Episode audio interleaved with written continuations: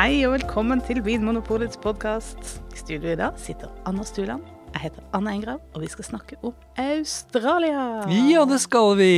Dette enorme uh, uh, landet. Man kan jeg kaller det et, eh, et land. Det er jo, det er jo et land. Ja, men også en stor øy. Eh, som da ligger på andre siden av jorda. Altså, alle vet vel egentlig hvor Australia ligger, men det er altså på andre siden av jorda. Eh, på Ja. det som vi kaller den sørlige halvkule. Og det er det som er litt fascinerende. Så det betyr at eh, når det er sommer her i Norge, så er det vinter i Australia.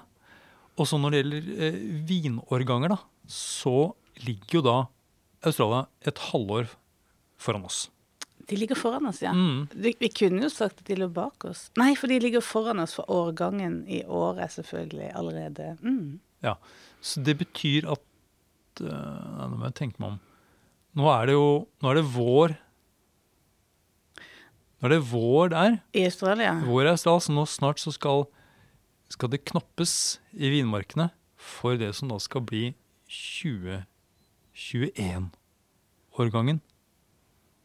Ikke sant? Ja, Det For den skal, den skal høstes når det er vår her. Ja. Alt er motsatt. Alt er motsatt. Men altså eh, eh, Dette store store landet det er så stort at eh, det er tolv ganger større enn Frankrike. Det er omtrent like stort som USA. Eh, og de lager eh, ganske mye vin, men ikke mer enn at de faktisk ligger på sjetteplass da, i verdenssammenheng. Eh, de produserer omtrent like mye som Argentina, Sør-Afrika og Chile. Det dreier seg om, da om 1,2 milliarder liter vin i året. Og når jeg leste de tallene, så tenker jeg at det, det er jo sjukt mye.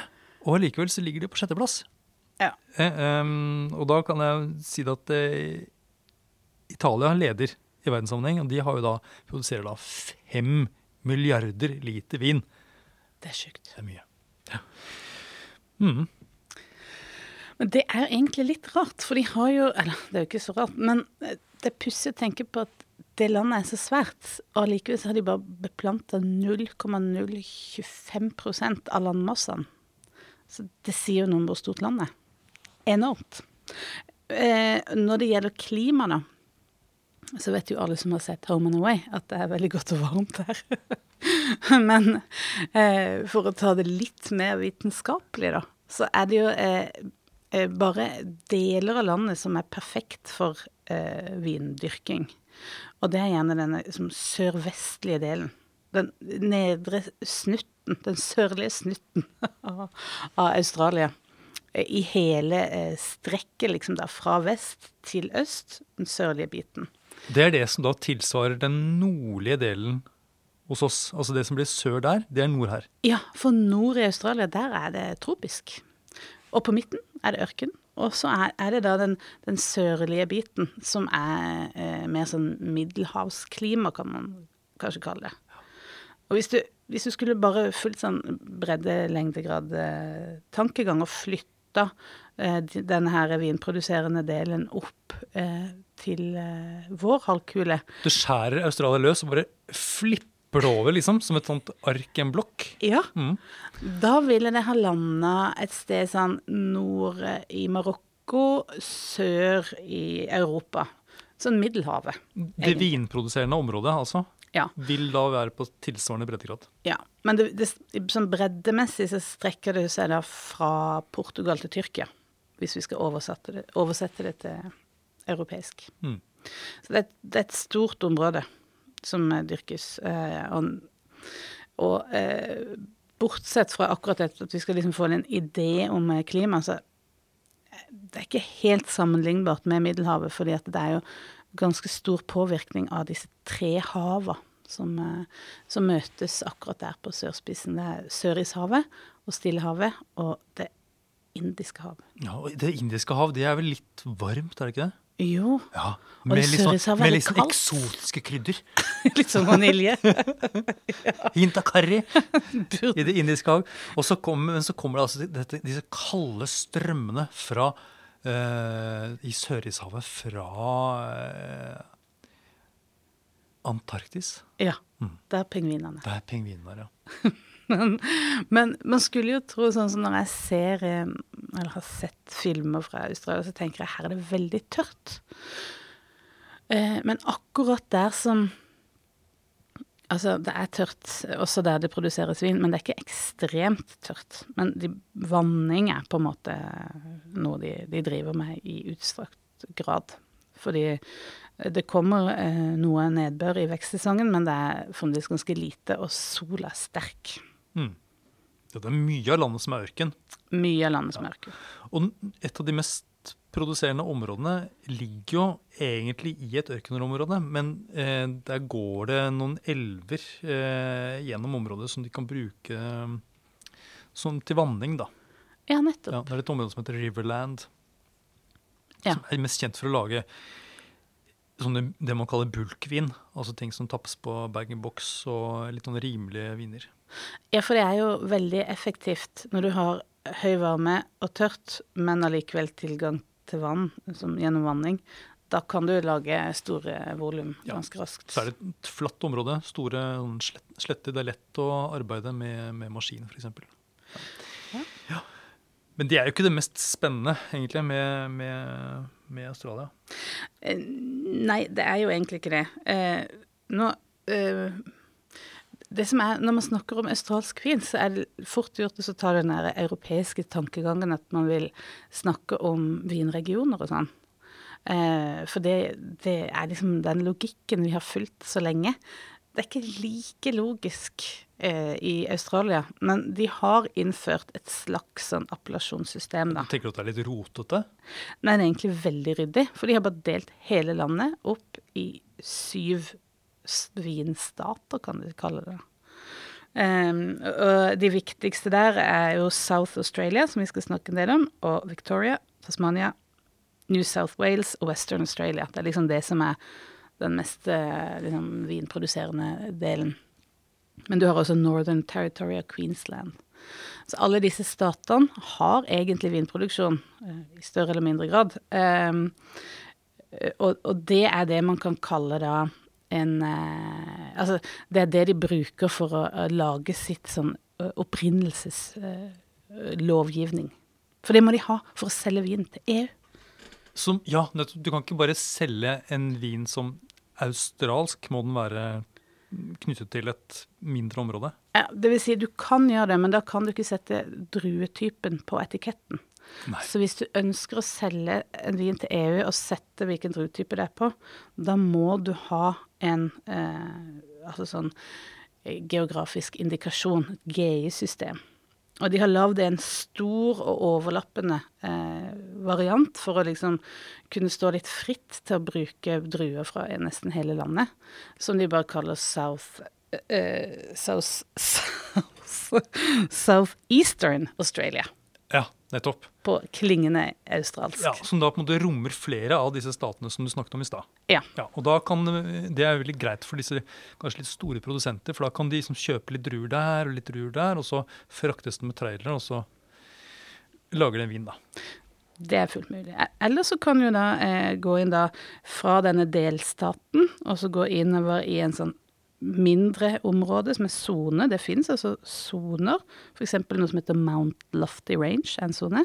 Og inni sonen så kan du ha en eh, region, som f.eks. Adelaide Hills er inni Mount Lofty Range. Og inni eh, regionen så kan du ha subregionen, f.eks. Lenswood i Adelaide Hills. Mm. Så, så du kan følge en slags sånn eh, europeisk logikk på liksom mer og mer sånn spesifikt sted. Du zoomer deg innover på en måte, som på et kart, eh, hvor du har liksom bare de store bitene som du ser liksom på avstand, og så kommer du nærmere og nærmere, og da på en måte ser du at ting deles opp i mindre biter eh, som har liksom sine egne navn. Er det sånn? Ja, det er litt sånn. Men, men det er eh, brukt i større og mindre grad. Det er ikke like stort fokus på akkurat det der eh, opprinnelsesstedet. Nei. Har ikke vært det, men begynner å, vi begynner å se mer av det da. Men, ja, sånn som i Europa så er det jo ofte en del regler knyttet til Hvis du skal sette f.eks. Chablis, da, som er et område i Frankrike, hvis du skal sette det navnet på, på etiketten, så følger det med noen regler for hvordan du kan lage vinen. Du, kan ikke, du må bruke chardonnay for eksempel, da, som drue. Har de noen sånne krav til eh, områdene i Australia? Eh, Jeg vet ikke detaljene rundt det, men i det store, det hele, det korte spørret, det er veldig grovmaska. Så det er ikke et strengt regelverk. Nei, så du, Produsentene står som regel mye friere til å velge druetype, f.eks., eller hvordan de vil lage vinen. Om Ja. de vil lage en rødvin eller hvitvin, om de vil uh, bruke Blande druer, høy eller lav avkastning, der er det ganske, ganske så åpent. Ehm, ja, druer, ja. Druetyper. Det er jo uh, la, oss, la oss ta topp fem da, av de mest dyrka druene i Australia. Og det er da Shiraz. Shiraz. Shiraz. Som da er suverent mest plantet. Og kanskje den mest kjente druetypen fra Australia også. Men Shiraz er jo det samme som Syrah. Syrah fra, som er mest kjent for å komme fra Loiredalen, den nordlige delen av Loiredalen i Nei, ikke Loire, unnskyld. Rån. Der la du inn en sånn liten Ja, sjokkeffekt. nå var det mange som tenkte at nei, nå roter Hva den. skjer det? Ja. Um, eh, Råndalen, den nordlige delen av Råndalen. Eh, men i Australia så kaller de det da for Shiraz. Men jeg har lagt merke til at de produsentene som lager eh, Shiraz i en litt mer europeisk, litt sånn eh, Litt friskere stil. Ikke sånn, måte, liksom, sånn syltetøypreget, men som på en måte er mer sånn friske, ferske bær. Europeisk stil. De setter gjerne syra på, på etiketten. Så det kan være en indikasjon hvis du står med en, en, eh, en vin fra Australia, og det står syra på etiketten, så kan det være litt mer sånn europeisk stil. Nettopp. Mm. Hvis man tenker liksom på Shiraz, så er det jo en litt Det er masse deilig frukt. Litt sånn modne bjørnebær, mørke bær. Og så gjerne det hintet av litt sånn der eukalyptuspreget. Det er ikke så mye sånne Det er ikke så mye blod og pepper og lyng, sånn som man forbinder med de nordrån-syranene. Nei, det er liksom litt mer eh, Skal vi kalle det fruktflesk? Mm. Men, men det er liksom Produsentene de eh, kan lage litt forskjellige stiler, og det er kanskje litt mer spredning stilmessig nå enn det var for 20-30 år siden. Ja. Og så På andreplass kommer da Cabernet Sauvignon, som er da mest kjent for å være liksom en av hoveddruene i, i Bordeaux. Og igjen så kan man vel sånn, sånn generelt si at Cabernet Sauvignon fra Australia er mer fruktig. Har mer en sånn definert fruktighet som kanskje går i retning av noen få typer bær. Eh, Men der også er det jo produsenter som lager med noe som ligner på Bordeaux. Mm. Og med eh, vanlig Ofte vanlig å bruke eh, fatlagring og ha litt sånn struktur i vinene. Det er sant. Og På tredjeplass kommer da Chardonnay, som da er mest kjent for å være eh, liksom, hvitvinsdruen i Bourgogne i, i Frankrike. Og så på fjerde kommer uh, Merlot, Merlot. Og så kommer da femteplassen, som er da Sauvignon Blanc. Det er en god blanding av klassiske druer. De bare shopper litt rundt i, i Frankrike. Ja, og det er egentlig bare franske druer som, er, som ligger på topp, eh, topp fem. Og det er jo ikke noe sjokkerende med eh, disse fem. Det er ikke noe veldig overraskende. De, de går igjen i mange andre eh, land også, i det som man kaller den nye verden. Eh, så de har ikke De har ikke funnet på mye, nye sprell. Det eneste er at det Shiraz, da, eller Syrah, den har de Det er på en måte er et sånt Lite sånn eierforhold til det. Ja, jeg tenker at det er eh, Australias drue. Ja, og så tenker jeg en annen ting som de har um, gått hardt inn på. fordi som jeg var inne på, så er det jo liksom litt løsere i snippen. Altså du har ikke det strenge regelverket som du har i Europa, eller lange tradisjoner, eller en bestefar som forteller deg hvordan ting skal være, kanskje. Så de har også mye blandinger. At de blander sammen uh, uh, ulike druetyper. Men der også så har de jo egentlig fulgt klassiske uh, oppskrifter. Eh, Sånn som for eksempel eh, blandinga GSM, som de sikkert sier i GSM, GSM. eller noe sånt. Som høres ut som MSG, som var noe helt annet. Som ikke er et rusmiddel, men som er eh, sånn smaksforsterker. Nettopp. Men det er altså da Grenache Syrah Morvedre-blandinga. Som er en klassisk sørrånsk blanding, Ja, eller Loire, som jeg liker å kalle. for å gjøre forvirringa komplett. Ja, Sørånd, ja. Nettopp. Som en Coturan Ja. Chateauneuf de Pape, Nettopp. eksempel. GSM. Ja, Er det noen andre eh, blandinger? Eh, du har Sauvignon Blanc og Semillon, som vi kjenner fra eh, de hvite bordeauxene. Mm. Som også er blitt eh, veldig populært og liksom trykket til det australske brystet. men, Men er det også en forkortelse? ja, og det er selvfølgelig enda gøyere. SSB. Ja, nettopp. Statistisk sentralbyrå. Til å være tørre viner. Er Litt morsommere med australsk SSB enn norsk SSB. Litt morsommere. Mm. Men de har fjerna seg litt fra den derre Bordeaux eh, Kanskje modellen og, og den hvite Bordeaux-stilen. og så nærmer de seg mer en sånn aromatisk sånn, Kanskje sånn Sauvignon Blanc fra New Zealand. Litt sånn hopper ut av glasset. Ja, det er ganske sånn eh, eh, joviale og sånn eh, Ikke potent, det blir kanskje feil å si. Men det er sånn, litt sånn tropisk fruktsalat. Ja, Mm. så, så det tenker jeg de har valgt ut noe sånn erkeklassisk, og så har de gjort sin egen fortolkning, som er litt sånn Litt eh, Hva skal man si Litt tydeligere, kanskje, Mm. rett og slett. Frukt står i, i sentrum.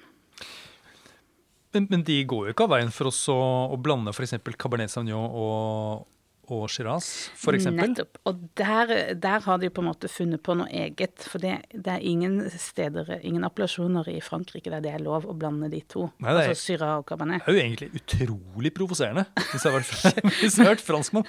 Blitt Ja, men de kaller det nå De kaller det The Great Australian Wine Blend. Det er til og med egne konkurranser som bare er åpne for akkurat eh, eh, Cabernet Sauvignon Shiraz. Ja, Blend. ja, nettopp. Og det er både liksom de kanskje mest berømte toppvinene fra Australia til de billige vinene. Kan du finne hele spekteret. Mm. Det, det, det var jo en gang i Bordeaux, eh, da de hadde litt problemer med å få liksom god nok modning, at de faktisk importerte druer fra andre områder. Et, blant annet Å ja. Så de har ikke de har ikke kommet på det helt sjøl, sier de. Jeg tror akkurat det å blande inn syran, det tror jeg har blitt gjort i Bordeaux også. eh, Litt sånn mer eller mindre offisielt. Ja, det, er- det er ubekrefta kilder på det, men vi kan jo spekulere. Ja. Hvor, skal vi snakke litt om områdene? Ja, vi, eh, skal vi zoome oss inn på Australia? Hvis vi da beveger oss helt på den vestlige delen Det er kanskje drøyt å si at Australia ser ut som en, eh, at det er kvadratisk. Ja, det er litt rart kvadratisk. Litt rart kvadrat. Men ser mer ut som en magesekk. Ja. Eh, Men eh, i hvert fall, det blir et, nesten et type hjørne, da. I den, det sørvestlige hjørnet av Australia. Der ligger det et, eh, et lite område som jeg har lyst til å prate om, og det heter Margaret River. Og da er vi i dette store området som heter Western Australia. Mm, delstaten Western Australia. Ja. Eh, men nå er det snakk om da underområdet Margaret River, eh, som er, ligger som en liten sånn tapp ut i Det indiske hav. Og her er det altså det, eh, Disse vinmarkene de ligger, mange av dem har til og med utsikt mot havet. Og der er det masse bølger med, med surfere. Masse Bruce som driver og surfer i bølgene. Og så er det eh, kangaroos, faktisk, som hopper rundt i vinmarkene. Det er visstnok et veldig spesielt sted. Eh, men det er da Australias svar på Bordeaux, selvfølgelig. For her er det altså havet rett i nærheten, akkurat sånn som i Bordeaux. Og så dyrker de da mye Cabernet Sauvignon og Merlot, som da blir denne klassiske Cabernet Sauvignon, nei, klassiske Bordeaux-blandingen, da.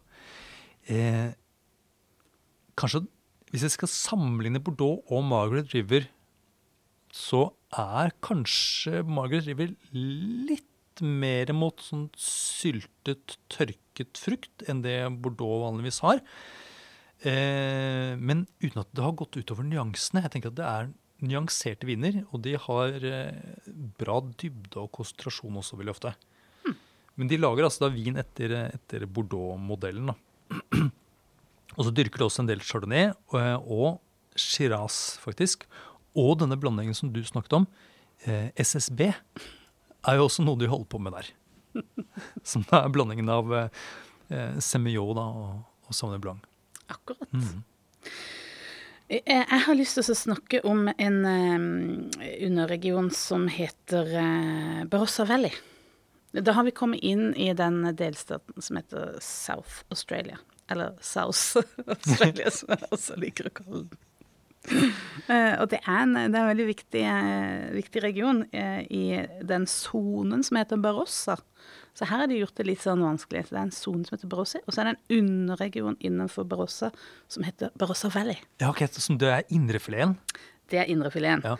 Eh, eh, og det her er et liksom prestisjetungt og internasjonalt anerkjent eh, område. Eh, og de har altså noen av Australias aller eldste vinstokker. For her er det ikke fyloksera. Nettopp! Fyloksera. Ja. det er jo egentlig interessant, fordi altså, de, de fikk jo fyloksera. Altså, det, er jo, det, er, det er ikke sånn at Australia er fyloksera-fritt. Vinlusen. Vinlysa. Vinlusen. For det er mange som tenker at filoxera, hva er det for noe? Er det en sopp? Er det en, en Men det er et skadedyr. Det er et skadedyr. Eh, Det har skapt mye problemer. Masse, masse. Det, det, den utslettet jo de europeiske vinmarkene på slutten av 1800-tallet. Og den kom også til Australia, men det var med den østlige og sørlige delen som fikk, eh, som fikk eh, vinlusa. Mens South Australia, som du snakker om, eh, de har da unngått å få filoxera. Og de, det er streng, strengt regime i Australia når det gjelder det også og nyplantinger og det å transportere eh, jord og, og planter og sånt noe mellom de ulike delene, og, og i hvert fall det å importere. Veldig, veldig veldig strengt. For de er jo livredd for at det skal spre seg mer. Og det er um, eh, Yarra Valley, som da ligger i, i eh, Victoria, de, eh, de har jo Hadde da I 2005 så fikk de en oppblomstring av fyloksera. Akkurat. Men det er fremdeles sånn at det er eh, australske produsenter som velger å plante upodede eh, vinplanter. Og det er det en del av i Barossa Valley. For her har det vært eh, vinmarker eh, lenge. Og det er altså eldgamle eh, vinstokker. Og det er noe som kjennetegner Barossa Valley, at det er masse gamle vinstokker. Er de eldre enn de europeiske?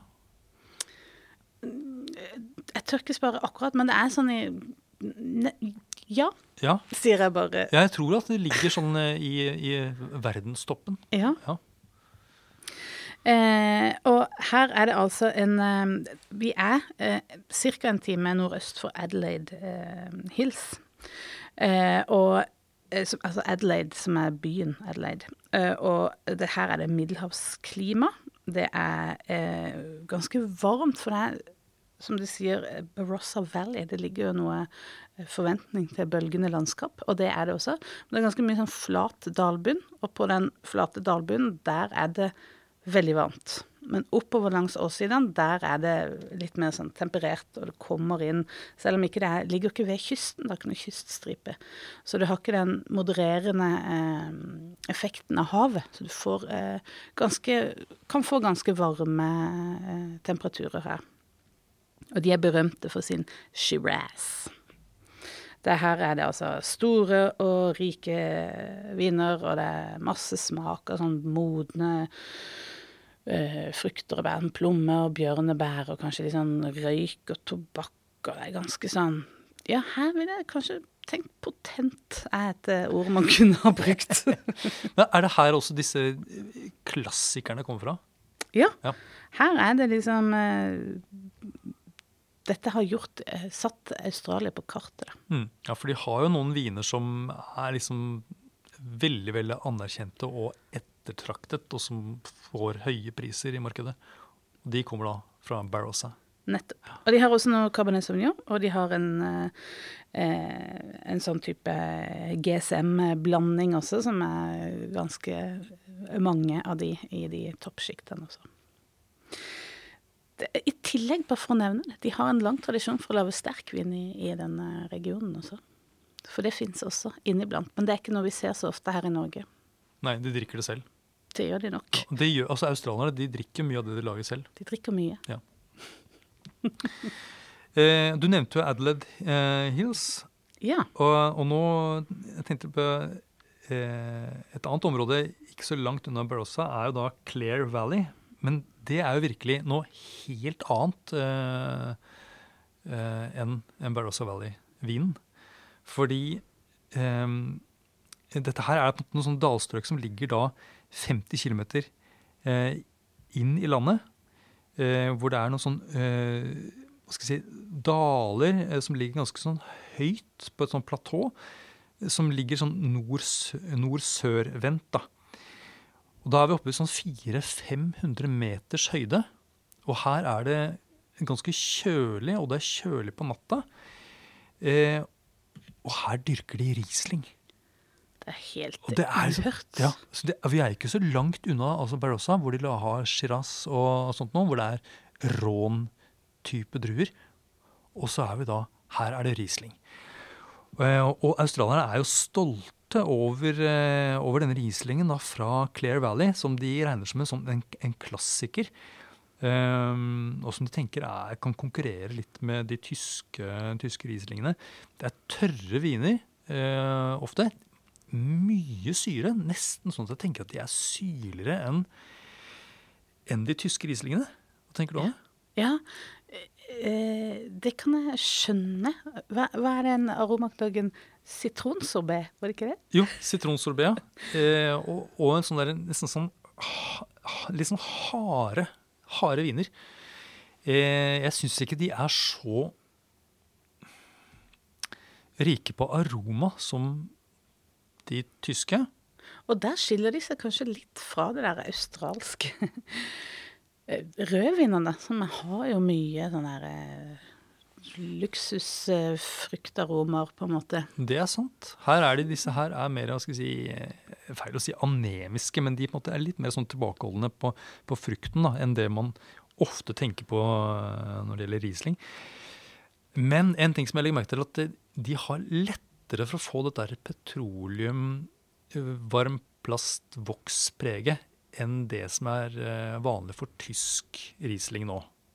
Men det syns jeg ikke er så rart, fordi eh, over Australia er det ganske tynt ozonlag. Så druene blir utsatt for ganske mye stråling. Og det er jo en eh, teori, eller kanskje den nå er blitt spikra som en fakta, jeg er ikke helt sikker, men at, eh, at det petroleumspreget kommer jo som følge av at det er noen sånn karotenoider, altså noe sånn druers egen solbeskyttelse, da, som utvikles eh, i skallet. Nettopp, sånn at du har noen sånne forløpere i skallet til dette petroleumspreget. Eh, du får det lettere i eh, Australia pga.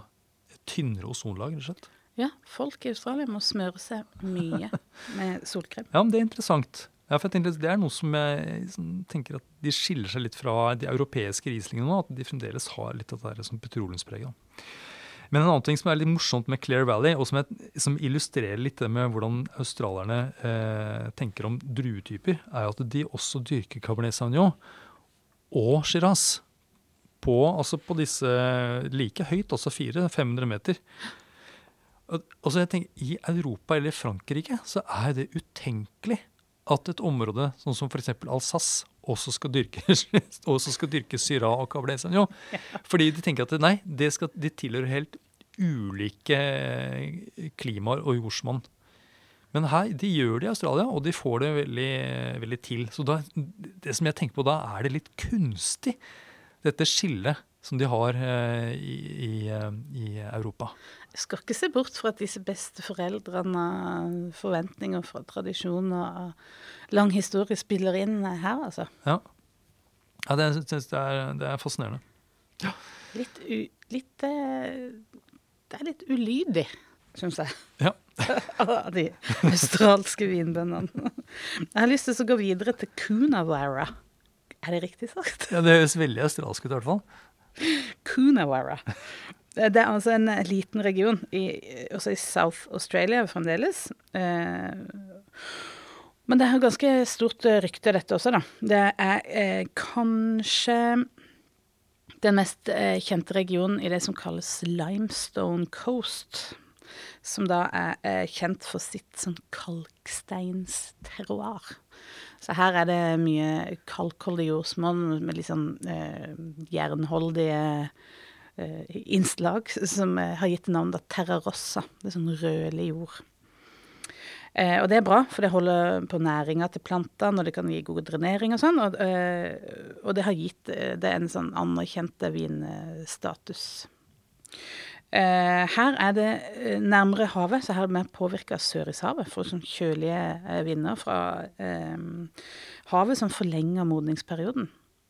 Eh, og helten i Coonawarra er Cabernet Sauvignon. Her er det Cabernet Sauvignon-viner som blir ganske sånn strukturert eh, faste, for det er eh, mer eh, tannin eh, og, og moden, mørk frukt. Fram til 50-tallet så var det Shiraz som var nest planta druer, men det er altså Cabernet Sauvignon som har seilt opp som en favoritt. Eh, og ofte, eller noen ganger, eh, blanda det inn med litt Merlot også. Ja, så Litt sånn som med Margaret River. Ja, litt sånn samme ja. greie. Er de litt, eh, litt rikere? Litt eh, Ja, Kunne Større enn disse være Ja? Cunavera, det var sånn de sa. Ja. Jeg, jeg kan ikke dette. Gud. Jeg sier det jo ofte feil, så jeg vil ikke stole på det. Skal vi ut, skal vi ut av South Australia Da, Ja, det er jo det er lett å bli der, for jeg tenker det er jo mye som lages i South Australia. i Australias buk, som jeg liker å kalle det.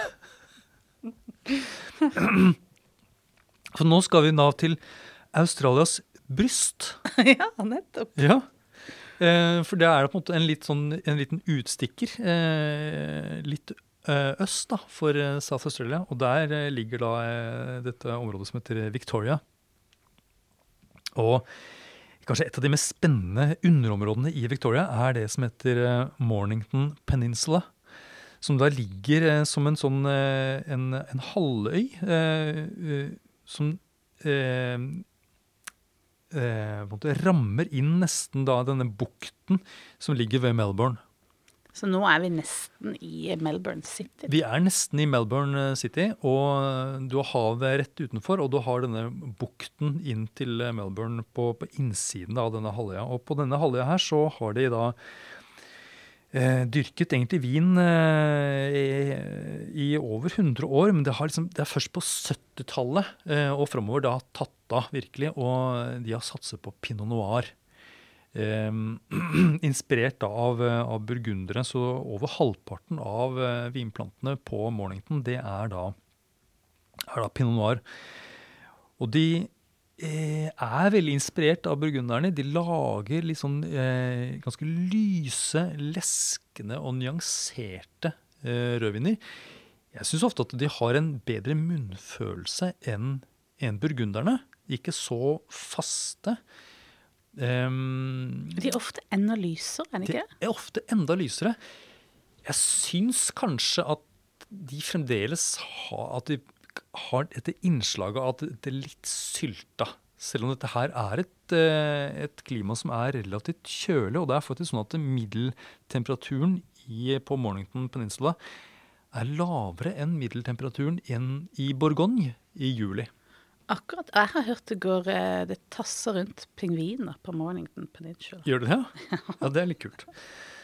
Så der, så nærheten til Melbourne gjør at det er, altså det er mange folk fra Melbourne som da har satset på vin. Det er litt sånn rike folk og sånt. Men det er mye småprodusenter eh, i dette området. Og de selger faktisk en tredjedel av produksjonen selges da på døra. Altså at folk kommer til vinkjelleren og kjøper, kjøper vin. Så det er jo Melbourne-folket selv som drikker mye av vinen som lages der. Men det eksporteres også en del, og det er eh, et område som eh, viser vei av et sånn type uføre som, eh, som Australia var i rundt 2000-tallet. Jeg kan ta litt mer om det seinere. Ja. Mm. For jeg har lyst til å så, um, dra ut på det som kanskje er den, den vinregionen i Australia som skiller seg mest ut. På flere måter. På så mange måter. Ja. Det er nemlig Tasmania. Eh, Den skiller seg ut så sterkt at den faktisk har skilt seg fra moderskipet. Og det er en egen øy. Ca. en halvtimes flytur fra Melbourne. Så litt ute i havet der, altså sør for eh, Australia. Så her begynner det å bli eh, kjølig. Dette er den kjøligste regionen eh, i, i Australia. Ja, For nå ligger Søris Dette her ligger Denne øya ligger og dupper i Sørishavet. Det gjør den. Ja. Eh, her er det lengre dager også. Så du får liksom eh, eh, lengre modningstid. Men eh, det er jo selvfølgelig eh, kjøligere, da. Em, man skulle jo også tro at siden det ligger som en øy ute i havet, at det er ganske mye eh, regn. Men det er det faktisk ikke. Eh, med, altså, jeg har hørt gjennom litt ubekreftede kilder at Hobart, som er da hovedstaden eh, på Tasmania, er den nest tørreste hovedstaden i verden. Så det er ikke så voldsomt mye eh, nedbør her. Ehm, og det er jo en veldig sånn fin eh, Det er nok vann, men det er ikke, det er ikke så mye at det blir problemer med, med fukt og råte og sånn. Så det er egentlig en ganske god, kjølig klimasone.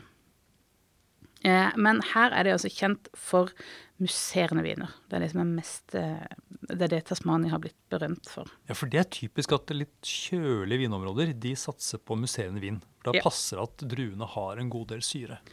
Eh, og det er altså pinot noir og chardonnay som dyrkes her i all hovedsak, med noen innslag av noe annet også.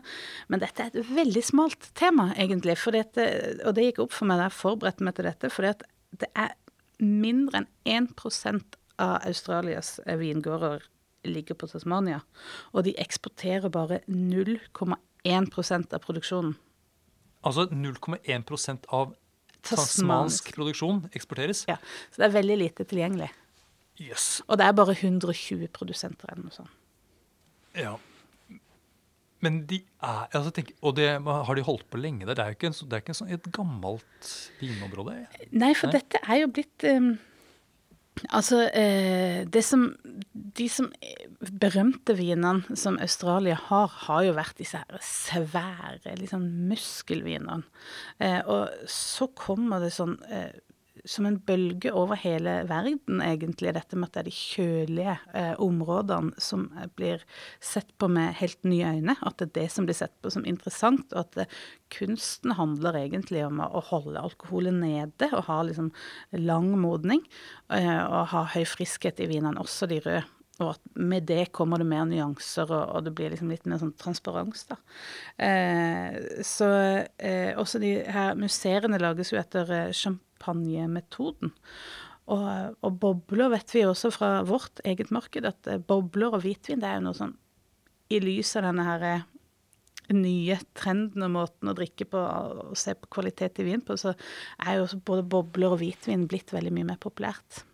Så det har liksom blitt et litt sånn nytt eh, skal vi si, litt sånn kultområde, da. Ja, Og de har jo ikke et sånn tilsvarende område selvfølgelig da, på fastlandet eh, Australia. Så da, da skjønner jeg at de og de har sikkert lyst på museene vin, da, så da jeg skjønner jeg at de, at de har lett for å selge der på fastlandet. Ja. ja. Jeg syns jo Tasmania er virkelig ja, noe som er skikkelig spennende. Og jeg syns jo kvalitetsmessig så har jo ikke de noe å skamme seg over. Det er jo, eh, altså det er jo Champagne er jo gode viner, og de engelske museene også, men jeg tenker at det er De lager ordentlig i vin Ja. som minner om, om klassikerne. Absolutt. Og så er det litt sånn lett å forstå. Altså sånn, nå, nå tenker jeg bare på rett og slett på etiketten. Her er det ingen eh, underregioner, ingen soner, ingenting. Det er Tasmania. Punktum. Så de, de kjører en sånn her merkevare, og de, de, har ikke, eh, de har ikke lansert seg sjøl som et sånn billigvin-alternativ. Her, Tasmania er blitt lansert inn på verdens vinmarked som en kvalitetsvin. Ja. Og det syns jeg også er litt sånn Det er litt smart, da. Ja. Men de er jo, de er jo generelt ganske smarte, eh, australierne. Og eh, som du sier, at eh, de er også ja, markere seg som en sånn kvalitetsleverandør, det er jo, er jo lurt, fordi Australia de opplevde jo en kjempevekst, en boom egentlig, på 70-tallet, hvor eh, de satte i gang med flere ting, egentlig. Det ene var det at de, de altså, plantet store altså flate, eh, lettdrevne områder, sånn som Riverland, som vi snakket om. Eh, der man kan da høste inn for, eh, med maskin. Eh, og I tillegg så bygde de store produksjonsanlegg. Så du fikk, sånn, du fikk stordriftsfordeler. da. Du klarte å lage Også i tillegg så var de jo tidlig ute med moderne produksjonsteknikk. Altså det med å ha avkjølte ståltanker og sånt noe. Eh, det var jo australierne veldig tidlig ute med. Det var jo sånn at eh, australske vinmakere etter hvert fløy rundt omkring i verden for å lære andre land om hvordan man skulle liksom lage moderne vin. Eh, så dette her med moderne produksjonsmetode, lettdrevne vinmarker og store anlegg gjorde at de kunne lage mye fruktig, spesielt rødvin, til en rimelig pris. Og dette pumpet ut til, uh, i det internasjonale markedet. Spesielt altså Storbritannia tok jo unna. og så ble det solgt på supermarkeder. Og så etter hvert så, så gikk det nedover. Fordi de fikk konkurranse fra Argentina, Chile, men også etter hvert sånn som Sør-Frankrike, som også begynte å lage sånne fruktige eh, rimelige viner. Nå, når er vi, hvor er vi? Ja, nå er vi sånn på sånn type 1990, da. Ja. Så det tok, eh, tok en sånn 10-20 år eh, før de, liksom, de, fikk virkelig eh, en kraftig konkurranse. Og da måtte de begynne å konkurrere på pris. Og supermarkedene de sa at nei, hvis vi skal selge australsk vin, så må vi få det enda billigere. Hvis ikke så tar vi de chilenske vinene. Og så så gikk da druekvaliteten ned, ikke sant? fordi de måtte presse prisen eh, i Australia. Så vinene ble dårligere og dårligere. Og, så, og de klarte liksom ikke å, å, få hodet over vannet. på en måte. Så da i sånn rundt 2000 så bestemte Australia seg for at dette her må vi, vi må komme oss ut eh, av dette her. Vi kan ikke bare forbindes, forbindes med å være den billige vinen. Og da bestemte seg for å få et, sånt, eh, et kvalitetsløft og knytte eh, vinene mye mer til et sted, altså disse underområdene, og, og kanskje også denne oppblomstringen med mindre produsenter. Som kanskje til og med er litt mer utforskende og utfordrende. Eh, sånn som naturvin, f.eks. Har jo også fått et fotfeste i, eh, i Australia. Jo, for det er jo altså nesten sånn Ca. halvparten av all vin som lages i Australia, lages av fem produsenter. Ja, nettopp. Ja, sånn at de er, Det er jo ikke noe som er borte, dette her, men at de, de har fått etablert i hvert fall eh, både produksjon, som er som mindre produsenter knyttet til et sted, men også de har fått også etablert seg på markedet som noe mer enn bare, bare som bulkvin. Men de har fremdeles bulkvinsproduksjonen. Det har de. Eh, så der er Australia i dag. og I tillegg så har de jo siktet seg inn på det kinesiske markedet. Um, det er jo ikke helt uproblematisk. De er jo, det er jo litt sånn kilent, dette diplomatiske eh, Den diplomatiske forbindelsen med Kina. Det, men siden Kina ligger nærmere Australia enn det Europa gjør, så, så ser de fortsatt at det er, eh, har et kjempepotensial. Eh, kineserne de vil jo eh, forresten ikke ha skrukork. Som australierne var veldig tidlig ute med. Ouch. Ja, så, der, eh, så, de må tappe med naturkork. Da. Så de går tilbake i evolusjonen? Ja. Jeg syns jo det er, det er fascinerende.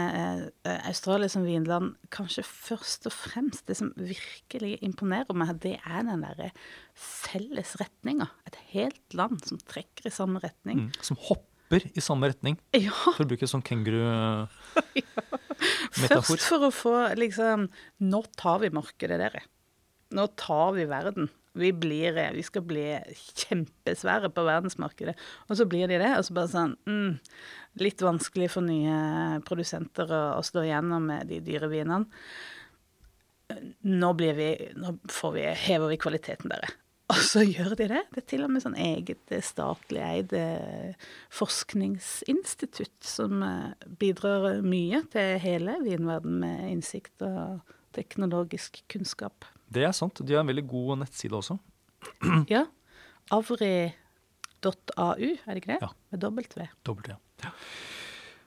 Uh, ja. Australia er jo et, et, et spennende land. Eh, Vi er, altså, treng, altså For å sette det litt på spissen treng, altså For det lages så mye god vin ellers i verden også. Trenger vi Australia, Anne? Altså Hadde, hva hadde vi på en måte gått glipp av hvis vi hadde liksom Hvis ikke de hadde laget vin? hadde vi gått glipp av? Mm, Ja, nå er det jo litt som vi var inne på. eh, Det eh, pussige faktum at de egentlig bare fortolker vinstiler som allerede lages. Selv om jeg har vært på, eh, på vinsmaking med Wines of Australia og snakka med disse her produsentene som sier at nei, vi skal ikke sammenligne oss med Europa, vi skal lage den beste australske vinen. Men, men altså, strengt tatt, det, det er jo en eh, fortolkning Ja. av, noe som finnes. Eh, er det noe vi ikke har andre steder? Jeg vet ikke. Ja, er sånn, utover det at, de, at vinene ofte har dette litt sånn, den litt sånn tydelige fruktigheten, som kanskje en del europeiske viner, i hvert fall på rødvinssiden, kanskje ikke har hatt. Så mm, jo, En annen ting som jeg tenker er kanskje er litt sånn typisk for australsk vin, er dette eukalyptuspreget. Ja, det kan vi kanskje kalle terroir. Ja, eh, og der er vel teorien det at det, For det vokser mye eukalyptustrær i, eh, i Australia. Og de skiller ut noen sånne eteriske oljer eh, som lukter eukalyptus. Og det blåser med vinden, og så fester det seg visstnok på utenpå druene. Og så følger da med inn i selve vinproduksjonen, og, og så setter det da preg på, på vinen. Det er, det er liksom teorien bak eukalyptuspreget, som jeg tenker er da For det er helt reelt. Det smaker Eller det har aroma som minner om mynt eller eukalyptus. Ja, det gjør det. Og det er ikke så mye eukalyptus sånn ellers i, i verden. Jeg vet ikke, Portugal har vel noen vinområder med eukalyptus hvor de mener at også de får noe av det samme. Um, men de har jo også noen sånne De har, jo noen, de har funnet på noen helt spesielle viner. Eh, Hurra, Som de har som, eh, som de ikke de har fått fra Europa. Og det er annet en som heter en hvitvin som kalles da Hunter Valley Semillon, hvor druetypen er da Semillon. Eh, og så er det da eh, De er dyrket av et område som ligger i New South Wales. Eh, som egentlig er et sånt subtropisk område, så det er et, ganske varmt og klamt område, faktisk. Det er mye eh, fuktighet der. Eh, og det gjør at du, du får et sånt skydekke som ligger ganske konstant, som da skjermer litt for solen. Sånn at det gjør at modningen går litt treigere. Og i tillegg så høster de da druene veldig tidlig, sånn at du ender opp med viner som har lav alkoholprosent. Det er 10% omtrent. Og det er jo ja, 2-3 lavere enn det som er vanlig for hvitvin. Um, Og og de, høy syre. og de er høy syre. Skikkelig syrlige hvitviner som, uh, som unge. Og de har ikke en sånn så mye aroma heller. Og det er også litt typisk for, for vin som er laget på druer som ikke er spesielt modne. Uh, men det som er spennende, at med lagring, og det er det som de vinene her er kjent for, at etter sånn type ti år på flaske, så har de utviklet en veldig sånn spennende aroma som minner om litt sånn bivoks og lanolin, og noe sånn nøtteaktig. Ja. Eh, kombinert med denne litt sånn slanke, friske munnfølelsen. Det er sånn at det, et, de kan minne litt om en utviklet chablis. Ja, kanskje. Kanskje. Men ja, det, jeg skjønner sammenligningen. Mm. Men jeg tenker at den har enda flere liksom, aromakomponenter, på en måte. Ja. Det er ganske spennende. Veldig spennende. Og det fins ikke noe annet sted. Kan vi Nei, ikke bare si det? nei. Vi gir de den. Du må til Australia eh, for å få det. Eh, Du får det ikke andre steder i verden. Og så har de da eh, en annen spesialitet, som da er sparkling shiraz. Altså musserende rødvin basert på syradruen. Det er også utrolig ulydig. Det er veldig ja, naughty. og da er eh, tradisjonen i Australia er å lage da, to ulike stiler. De har da den litt sånn fruktige, rett fram eh, sparkling shiraz. Men så har de også eh, versjoner hvor vinen, basevinen har ligget på fat en god del år. Som de har fått litt sånn oksidativ lagring, som man kaller det. Så man mister litt av den der liksom, primærfrukten og får noe av dette litt sånn utvikla og kanskje litt fatpreg òg. Og så får man da en annengangsgjæring på flaske, så du får da en musserende, utviklet rødvin. Eh, og disse vinene har jo da snerp, selvfølgelig, som, som rødvin eh, pleier å ha. Freak or unique? Ja, dette her er unique. Og litt freak. Det er ikke så mange Det ikke noe, finnes ikke noe sånn tilsvarende akkurat eh, denne typen vin. Det nærmeste blir kanskje Lambrusco fra mm, nord i Italia. Ja, Men den er alltid, altså sparkling shiraz er alltid tørr, eller? Du får noen med sødme også, men jeg, jeg tenker at det er, eh, det er mye, mange av dem er tørre. Ja, jeg syns det er litt gøy når de Kan vi ikke oppfordre Australia til å gjøre litt mer sånn Sprell? Finn på noe. Ja. Finn på noe gøy, ja! Finn på noe gøy, ja. Gjør noe nytt. Ja. Ja, for det er noe med den der kvalitetsutviklinga. Sånn.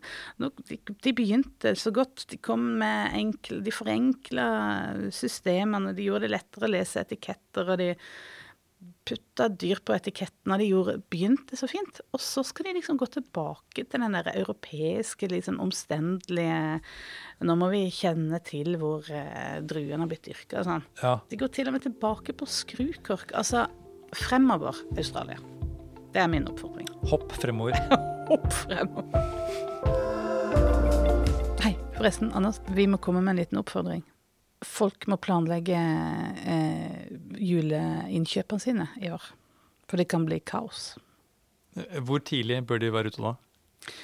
I hvert fall før 15. desember. I hvert fall. I hvert fall. Gjør det litt før det.